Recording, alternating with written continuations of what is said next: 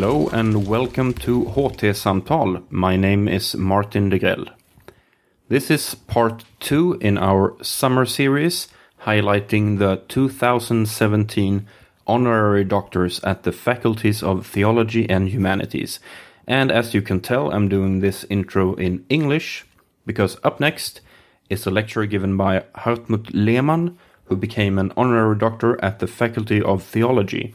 And this lecture is indeed in English. Hartmut Lehmann is a German historian and honorary professor in church history at the Christian Albrechts Universität in Kiel. He has been the director of the German Historical Institute in Washington, D.C., and of the Max Planck Institute for History in Göttingen.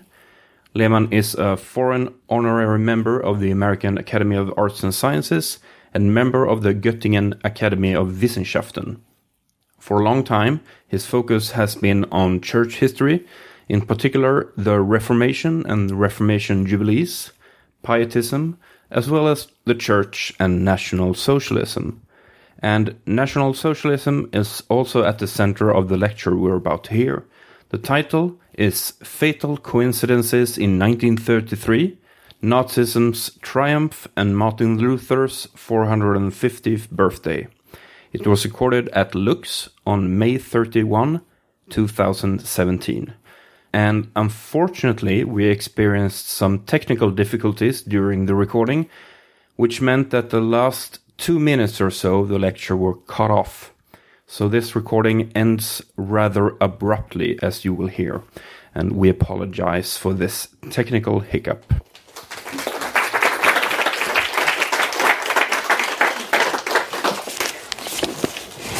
Spectabilis, dear Anders, dear colleagues.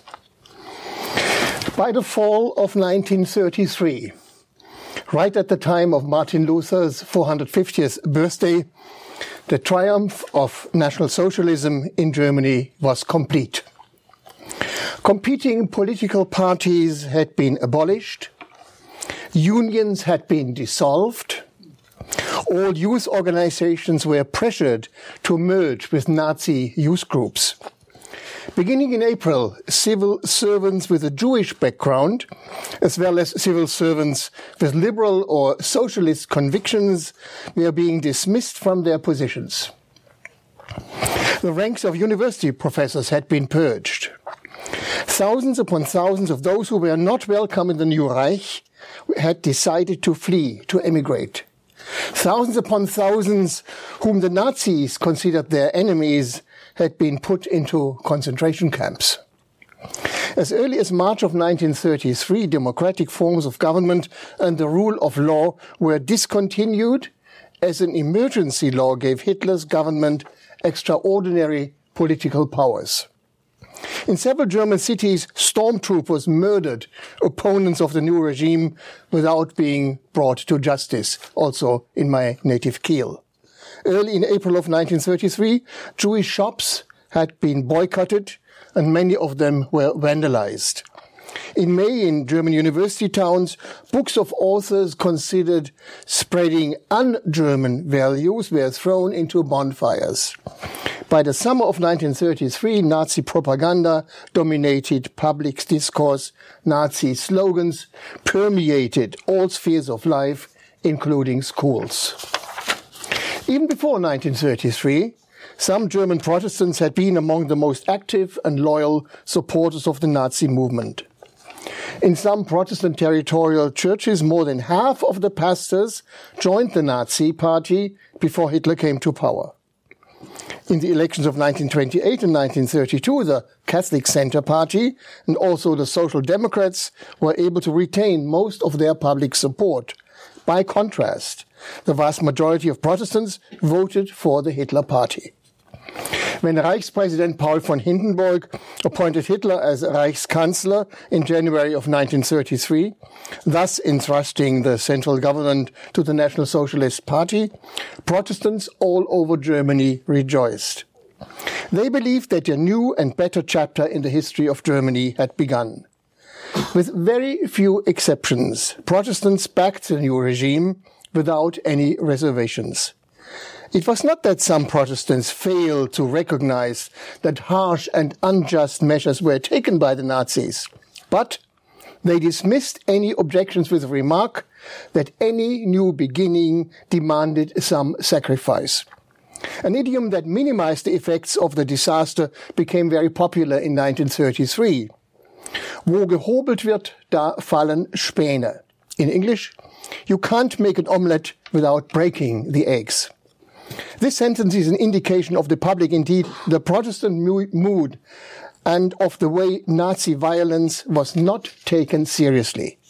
Those who supported Hitler did not care about the early victims of Nazi rule and did not comprehend the political and cultural implications of Hitler's quest for totalitarian rule. I plan to analyze three aspects of this story. First, we have to try to answer the question why the vast majority of German Protestants was so enthusiastic when Hitler came to power. Second, it is necessary to demonstrate what the rise of a Germanic or brown variety of Protestantism meant for the celebration of Martin Luther's 450th birthday. Third, I will conclude with at least a brief look at the views of a young dissident, the views of Dietrich Bonhoeffer during this turbulent year. Why did German Protestants rejoice in 1933? Ever since the Reformation, most Protestants believed that a strong state was God given. Early on in the turbulent process historians call the Reformation, Luther's personal destiny and the future of his reform movement depended on the support given to him by the Saxon elector Frederick the Wise.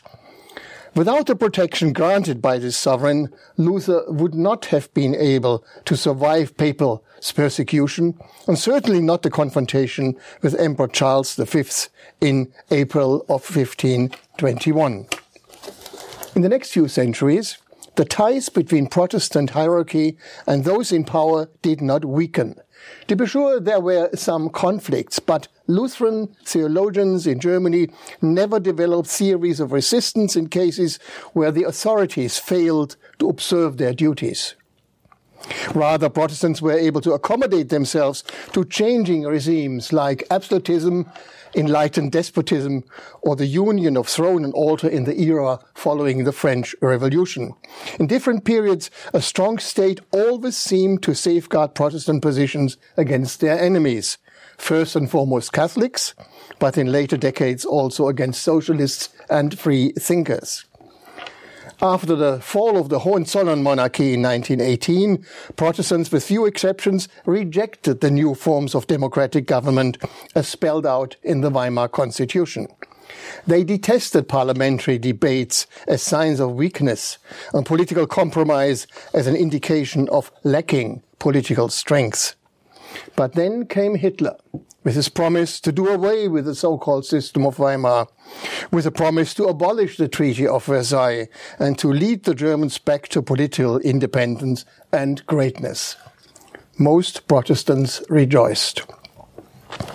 Until the second half of the 19th century, Protestants had believed in individual conversion.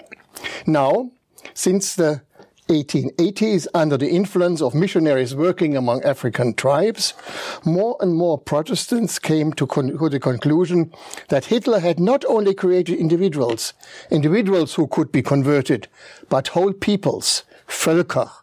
Just as whole tribes could be converted, they believed, also in Europe, whole peoples that had drifted away from Christianity could be re-Christianized. Furthermore, some Protestants believed that not all Völker were equal, but that God had created a hierarchy of peoples. According to this theory, some Völker, some peoples, had been endowed by God with better qualities than others.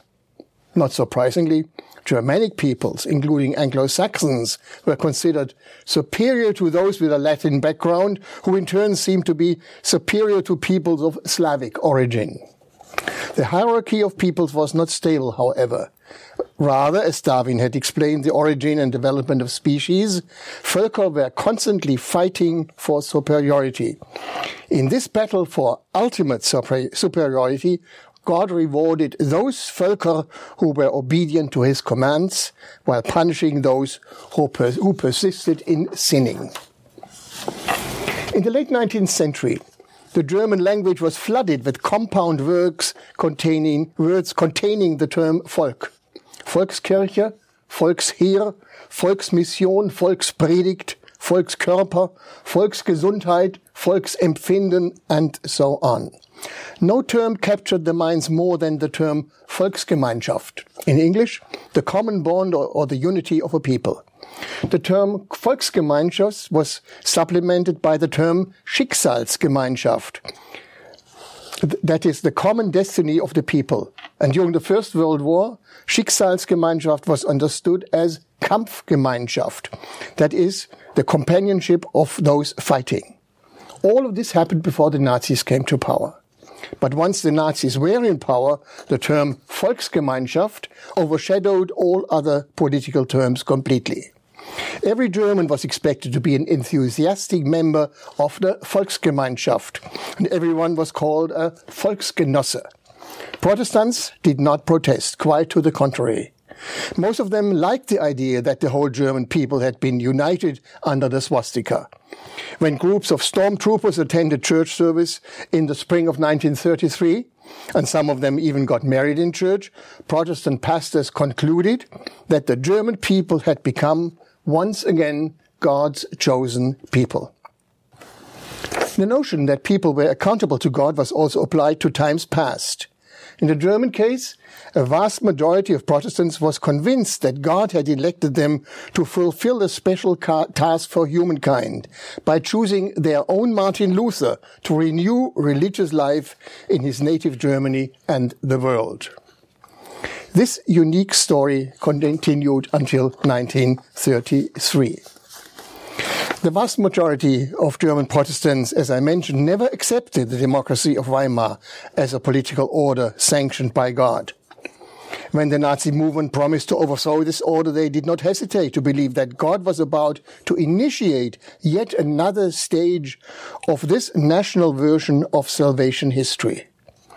What happened in 1933, therefore, was interpreted as a final stage in a story that had begun with the Reformation continued with the victories over Napoleon in 1813 and over France in 1871, and could be glimpsed also in the emotional beginning of the First World War in 1914. God should be thanked, they thought, that he gave the Germans yet another chance in 1933. Indeed, in all likelihood, their last chance to live up to God's promise that the Germans were his chosen people.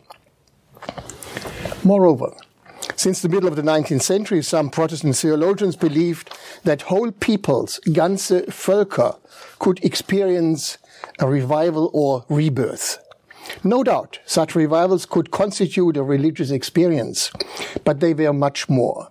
As part of religious rebirth, political divisions would also be overcome, social ills would be healed, in order that the whole nation would become God-fearing. This, it seems, was the situation that Protestants of all convictions had in mind as the National Socialists came to power. Within this story of a hierarchy of peoples, of struggles for superiority, of revivals, and of punishment and reward, within all this, what appears in retrospect as a rather odd view of history, Jews played a significant role. They were not included into the hierarchy of Völker, Rather, they were seen as a pariah people, settling among other peoples as often as they could in order to corrupt the very essence of their host nations. Early on in the 18th century, pietists in Halle had initiated a program for converting Jews to Christianity, Judenmission. In the last few decades of the 19th century, those believing in a Darwinian approach to history argued that Judenmission was a futile and in fact a counterproductive undertaking. True Jews could never become true Germans, racist Protestants argued. Jews could never assimilate as their blood was stronger than baptismal water. Segregation was the call of the hour, they claimed, not attempts to include Jews into the body of the German nation.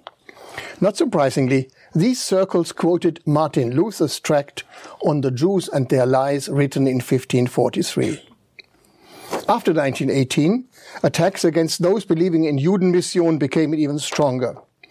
In 1933, even Jews who had converted to Christianity came under fire. Most congregations which they lived distanced themselves from them, and so did pastors.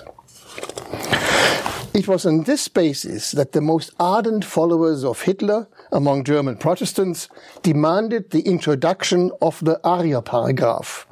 That is a clause demonstrating pure Aryan ancestry into the Protestant churches. In sum, in 1933, the belief in Volksgemeinschaft and the superiority of Germanic peoples, the assumption that Christianity could and should be accommodated to the racial profile of the Germans, thus creating Germanic Christianity, the belief finally that God might then reward the Germans with a huge revival, all now created the emotional setting in which state and church began preparations for Luther's 450th birthday in 1933. In comparison to 1917, also in comparison to 2017, preparations for the 1933 event began relatively late. First plans were made at the end of 1932. In order to strengthen tourism, weeks of festivities were to be held in Eisleben, Wittenberg, and Eisenach during August and September of 1933. Since the Nazi takeover of power, however, nothing happened for many months, probably because of the rapidly changing and turbulent political situation. In May 1933, finally, the Reichskulturwart of the German Christians, that is the official responsible for cultural affairs, presented a program for a celebration all across Germany on the day of Luther's birthday, that is November 10. November 10. Ludwig Müller, candidate of the German Christians for the position of Reichsbischof, was supposed to be the main speaker. At that time, that is in May 1933, the German Christians, despite of internal differences, rapidly gained influence within German Protestantism. The majority of those believed in a radical version of Völkisch religion, that is Germanic Christianity. Their utmost values were race, nation, and Volkstum, plus anti-Semitism. A minority of German Christians was somewhat more conservative, but they also support the political program of the Nazi regime.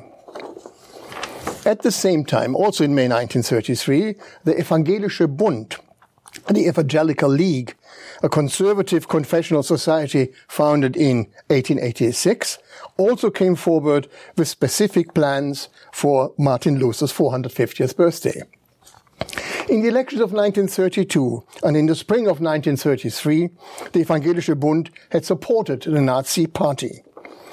Within the next few weeks, both initiatives, the one by the German Christians and the one by the Evangelische Bund, were merged. On July 15, 1933, a, new program was made public. Luther's birthday should be celebrated as a day of unity for all German Protestants, Tag der Einigung. And as a Volksmissionstag, that is as a day when all Germans will rediscover the true sources of their faith and the true foundations of German Volkstum, as they had been given to the Germans by the Reformation. At the end of August, that is less than three months before Luther's birthday, that platform that had been created in July was expanded once again. In the meantime, the organizers had asked Reichspräsident Hindenburg and Ludwig Müller, by then elected bishop of the old Prussian, Prussian Union Church, to act as patrons of the event. They had created an Ehrenpräsidium, that is an honorary chair, and an Ehrenausschuss, that is an honorary committee, consisting of, 100, of no less than uh, 157 members, among them leading members of the German Christians, but also the bishops of those territorial churches which the German Christians had not been able to take over, that is Bavaria, Hanover, and Württemberg. Prominent National Socialists were also included as for example Hermann Göring, Werner Frick and Franz Seldte as members of the honorary chair, as well as Bernhard Rust, Robert Ley and Wilhelm Murr as members of the honorary committee. In late August, the chair of the Evangelische Bund had asked Hitler to join the project as one of the patrons. For reasons that are not completely clear, but probably because he disliked the infighting and confusion among the German Christians, Hitler decided not to be involved in the Luther festivities in an official way. In early October of 1933, the Minister of Interior announced the plan to give all civil servants a holiday on November 10. But then came chaos.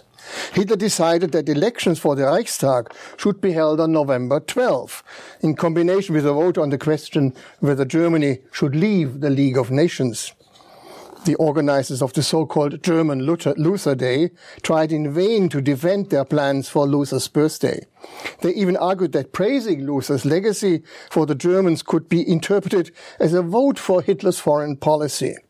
Their efforts were in vain, and the German Luther Day had to be rescheduled to a new date, November 19.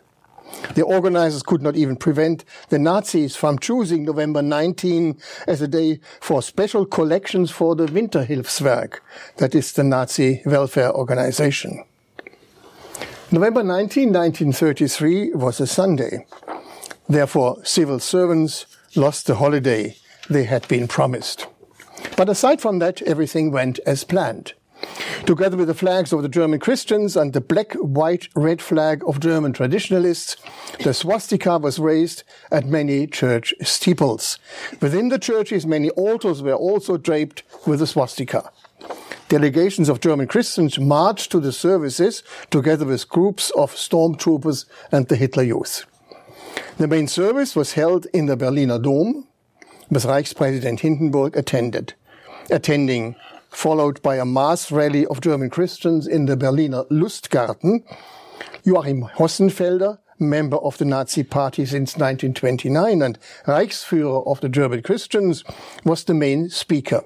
I quote him, We want to preserve the heritage of the Reformation, he declared, because we want to preserve the true gospel, because of our fathers and those who have lost their lives in the World War, as well as because of the Brown Army and the Volksgenossen, who, together with Adolf Hitler, have achieved the great work of our national unity.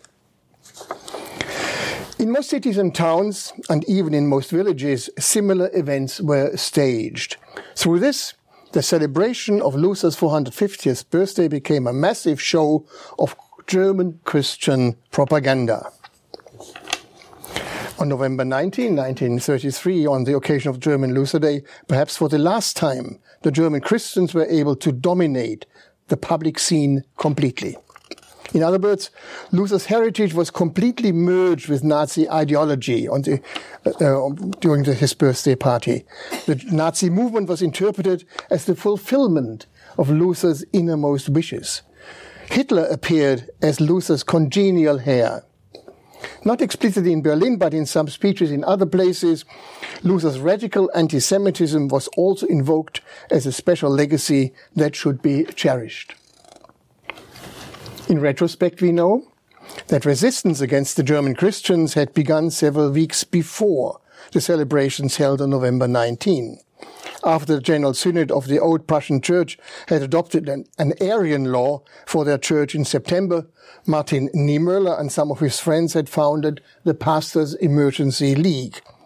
By the end of November 1933, several hundred pastors had joined Niemöller's initiative.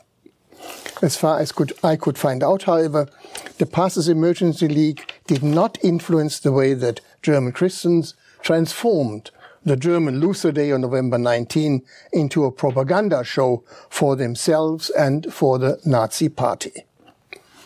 Interestingly enough, the event that energized the opponents of the German Christians within the German churches most had taken place also in Berlin just six days prior to the German Luther Day. On November 13, Pastor Reinhold Krause, the Berlin leader of the German Christians, had given a most radical anti-Semitic speech in the Sports Palace rally in Berlin. Christianity was a heroic and in fact an Aryan religion, he declared, and Jews, including baptized Jews, should be eliminated from Christian congregations. In the weeks after the German Luther Day, it became clear that Krause's scandalous speech was no less than a turning point. Now, finally, the Protestants disagreeing with the German Christians began to organize. Too late to have any influence on the way Luther's 450th birthday was remembered, but not too late to defend the autonomy and integrity of most of the Protestant territorial churches in the time that followed, best expressed in the Barmen Declaration in May of 1934. Let me now turn my attention to a young theologian who had celebrated his 27th birthday on the 4th of February 1933, just a few days after Hitler had become Reichskanzler, Dietrich Bonhoeffer. Dietrich also believed that German Protestantism needed a strong state in order to counter the forces of secularization what did he think of the slogan that German Protestantism, together with the German nation, was experiencing a great revival after the Nazis had taken over? How did he react to the opinion of the German Christians that the Germans should proudly proclaim a special kind of Germanic Christianity, including their proposal to in introduce an Arya paragraph, an Aryan paragraph, into the church, church statutes? In short, what was Bonhoeffer's view of the various developments within the Protestant Church that led to the unequivocal, indeed fatal and catastrophic support of most Protestants for the Hitler regime that I have described. In answering these questions, I will concentrate on the remarks Bonhoeffer made in 1933, not earlier, and not later, even though he had much to say before as well as in later years. Through this, I want to describe how a critical contemporary was able to observe current events and how a responsible Christian was willing and able to speak out and intervene in 1933, that is, early on. On February 6, 1933, two days after his birthday, and just a week after Machtergreifung, Dietrich Bonhoeffer wrote to Reinhold Niebuhr in New York, and he had spent some time in New York in 1930, so he knew Reinhold Niebuhr well. I quote, it can scarcely be expected that nothing will substantially change here, whether economically, politically, or socially, but an even greater threat is a terrible barbarization of our culture, so that here too we will need a, to create a civil liberties union in the coming period. You yourself can imagine that nationalistic, magical incantations and exorcisms, military posting, etc., will not drive out the ghost of communism. People are incredibly naive here in our country. The path ahead for the church has seldom looked so gloomy. No word of a revival or, rebirth of the German nation by Bonhoeffer at this early stage of Hitler's rule no trust in the new government, no hope for a better future for Germany and the churches in Germany, but a deep-seated fear that things will get, will get worse, and from this point of view, in particular, in the church. The path ahead for the church has seldom looked so gloomy. Bonhoeffer picks up this theme again in mid-April. In the, his collected works, we find no comments on the Reichstag fire, the Enabling Act im Ermächtigungsgesetz, the Day of Potsdam, and the April boycott. Bonhoeffer is, however, alerted to the Nazi law of April 7 for the reconstitution of the civil service. This law contains the infamous Aryan paragraph and explicitly excludes Jews from any position in the civil service. The 27 year old theologian Bonhoeffer instinctively grasps that in the German tradition, pastors are also considered as civil servants and that the Arya paragraph will be also applied to the churches. Within just a few days, it seems Bonhoeffer produced an essay on the church and the Jewish question. In this statement, Bonhoeffer begins rather carefully.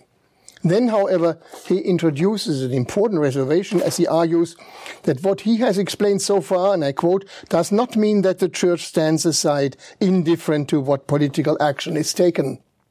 Rather, the church has to keep asking the government whether its actions can be justified as legitimate state actions, that is, actions that create law and order, not lack of rights and disorder. According to Bonhoeffer, the church, and I quote again, will be called upon to put this question as strongly as possible wherever the state seems endangered, precisely in its character as the state, that is, in its functioning of creating law and order by force. And it will have to put this question with the utmost clarity today in the matter of the Jewish question. He adds, as long as the state acts in such a way as to create law and order, and even if it means new laws and new orders, the Church of the Creator, Reconciler and Redeemer cannot oppose it through direct political action. But he does not stop here. Rather, in, he introduces yet another reservation that leads far beyond Luther's teaching of the two regiments.